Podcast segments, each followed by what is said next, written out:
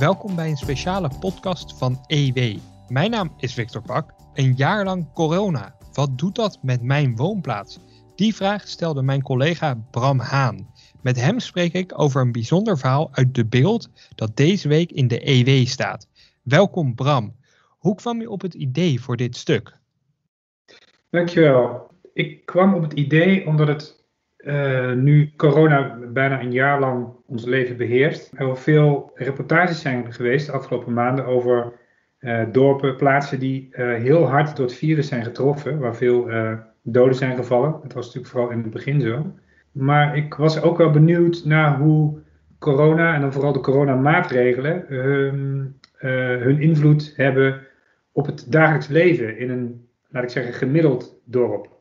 Um, dus daar was ik benieuwd naar. En de beeld, dat is dan bekend van het RIVM vooral. Dat is niet keihard geraakt door het virus, maar in welke mate is het wel geraakt? Wat zijn ongeveer de, de gegevens daarvan? Um, ja, je zou het gemiddeld uh, kunnen noemen. Er zijn uh, afgelopen jaar in de beeld, uh, naar schatting, in de hele gemeente ongeveer 70 mensen overleden aan corona. Um, daarmee wijkt het niet heel erg af van uh, andere plaatsen van deze omvang. En daar komt ook nog bij dat het vrij geleidelijk ging. Je had natuurlijk die, die plaatsen in Brabant en Limburg en ook in uh, Overijssel, meen ik, uh, die in het begin van de pandemie echt keihard getroffen werden. In, korte tijd vielen daar veel doden. Dat maakt natuurlijk ook heel veel indruk. En in de beeld, zoals in heel veel andere plekken in Nederland, ging dat veel geleidelijker. En daardoor ook met wat minder drama, zeg ik oneerbiedig dat hou je ook heel erg uit jouw stuk. Ik vond het zelf een, een heel bijzonder en ook treffend stuk, want je hebt 16 portretten van mensen gemaakt die uiteenlopen van huisarts, winkelier, uh, long-covid-patiënt zoals we dat noemen, mensen met langdurige klachten, tot ja. bewoners in een woonvoorziening voor verstandelijke beperking. Mij viel uiteindelijk op dat eigenlijk iedereen zich vooral heel veerkrachtig opstelde. Wat, haalde jij daaruit? Deel, je wat ik eruit haalde? Ja, zeker. Nou ja, wat, wat mij het eerste opviel is dat, um, en dat was ook een beetje het uitgangspunt van mijn stuk, uh, het gaat vooral over hoe de, de coronamaatregelen uh, het dagelijks leven van mensen beïnvloeden. Ja, en dat geldt natuurlijk echt voor iedereen. Er is bijna niemand die zich daar aan kan onttrekken. Al heeft het natuurlijk voor de een veel grotere gevolgen uh, dan voor de ander. iedereen weet natuurlijk dat zeker ondernemers het heel erg zwaar hebben. Uh, of mensen die, die echt heel erg ziek uh, zijn geworden. Maar ja, bijna iedereen heeft er natuurlijk wel negatieve gevolgen van ondervonden. Maar bij iedereen zie je inderdaad wel het vermogen om zich, uh, om zich aan te passen en, en je er toch doorheen te slaan. Dat, dat heeft me zeker wel, wel getroffen. En uiteindelijk, dit is jouw gemeente, jouw woonplaats. Viel je daar nog iets bijzonders aan op zelf? Iets wat je misschien nooit gedacht had voorafgaand aan, aan toen je aan het stuk begon?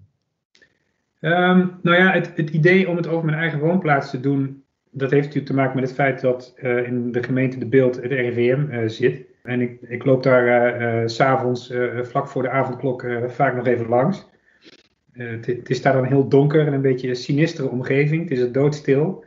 Maar je realiseert je elke keer van, ja, hier, hier worden die berekeningen gemaakt die ertoe leiden dat we al een jaar lang met die maatregelen zitten. Um, dus de beeld is een heel gemiddeld dorp, zou je kunnen zeggen. Maar ook wel een beetje bijzonder, omdat het RIVM uh, hier ligt.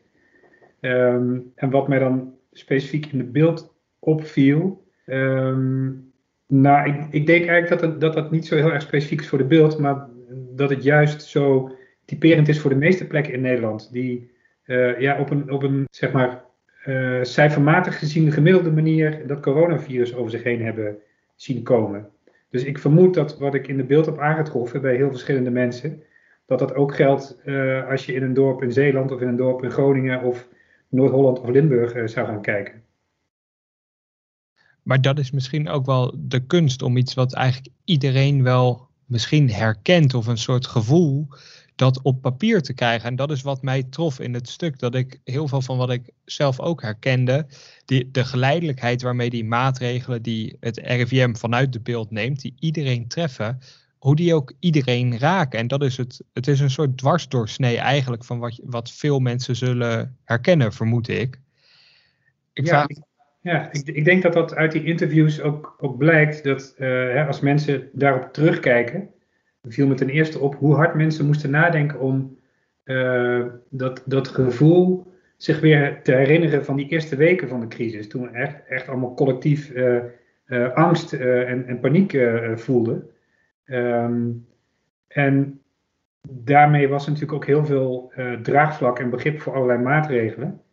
Um, en natuurlijk hebben we een hele periode gehad in de zomer waarin er veel meer vrijheid was. Maar inmiddels zitten we eigenlijk in het najaar al in een behoorlijk streng regime. Een van de strengste van, van de wereld eigenlijk. Um, ja, en dan zie je inmiddels toch een soort van gelatenheid en, en gewenning. Maar toch ook wel uh, ongeduld en, en steeds meer vragen over, ja, um, is dit allemaal nog wel proportioneel? Dat, dat proef je ook wel bij een heleboel mensen. Die proportionaliteit zit deels ook bijvoorbeeld bij ondernemers. Je sprak een bokschoolhouder. Ja. Die zei ook, ik ken eigenlijk niemand die het heeft gehad. Die heeft wel alles geprobeerd ja, zo goed mogelijk te doen.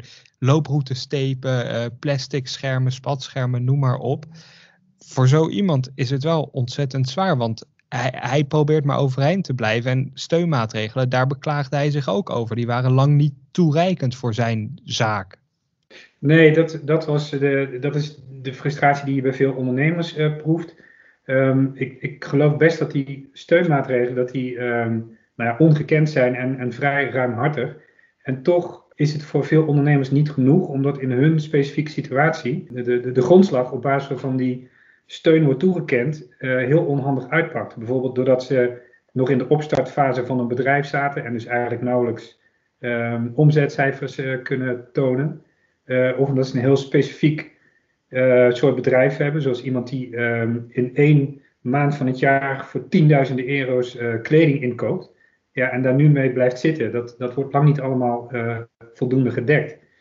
En daar komt bij um, de frustratie over die steeds veranderende regels. Dat hebben we natuurlijk bij de horeca ook veel gehoord. Ja, de horeca kreeg min of meer het verzoek in het begin van hè, pas je aan met uh, afstand en spatschermen en looproutes en weet ik wat allemaal. En dat doen ze allemaal, net zoals die bokschool. En dan blijkt een paar weken later toch weer dat dat, dat eigenlijk allemaal de prullenbak in kan, omdat de regels veranderen en nog strenger worden. Die bokschoolhouder vertelde ook ja, we, draaien eigenlijk, we hebben minder klanten, minder omzet, maar we maken meer uren dan ooit.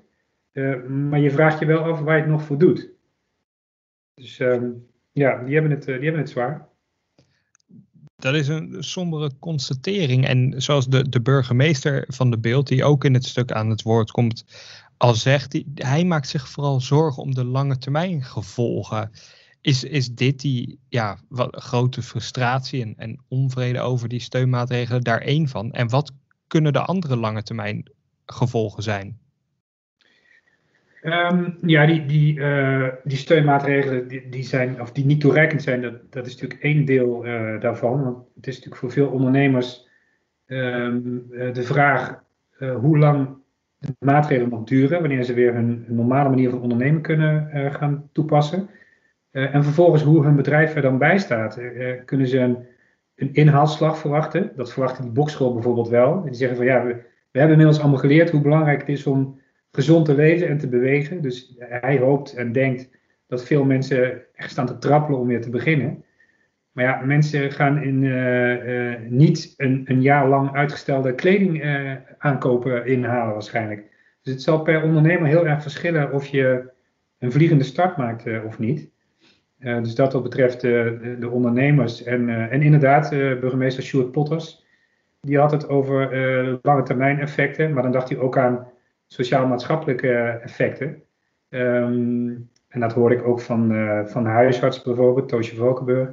Die zich toch echt wel zorgen maken over um, de, de mensen die niet naar de dokterspraktijk zijn gekomen met klachten die echt wel ernstig zijn, omdat ze bang zijn om in die praktijk besmet te raken of omdat ze denken dat de dokter het toch wel te druk zal hebben met, uh, met corona.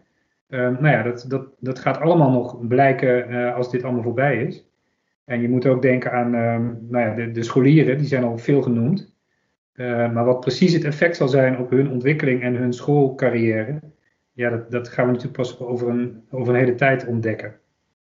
er kan dus veel verborgen of wel uitgesteld leed zijn, verstopt in de, in de maatschappij. En jij ligt daar een, eh, een tipje van de sluier al van op in het, in het stuk.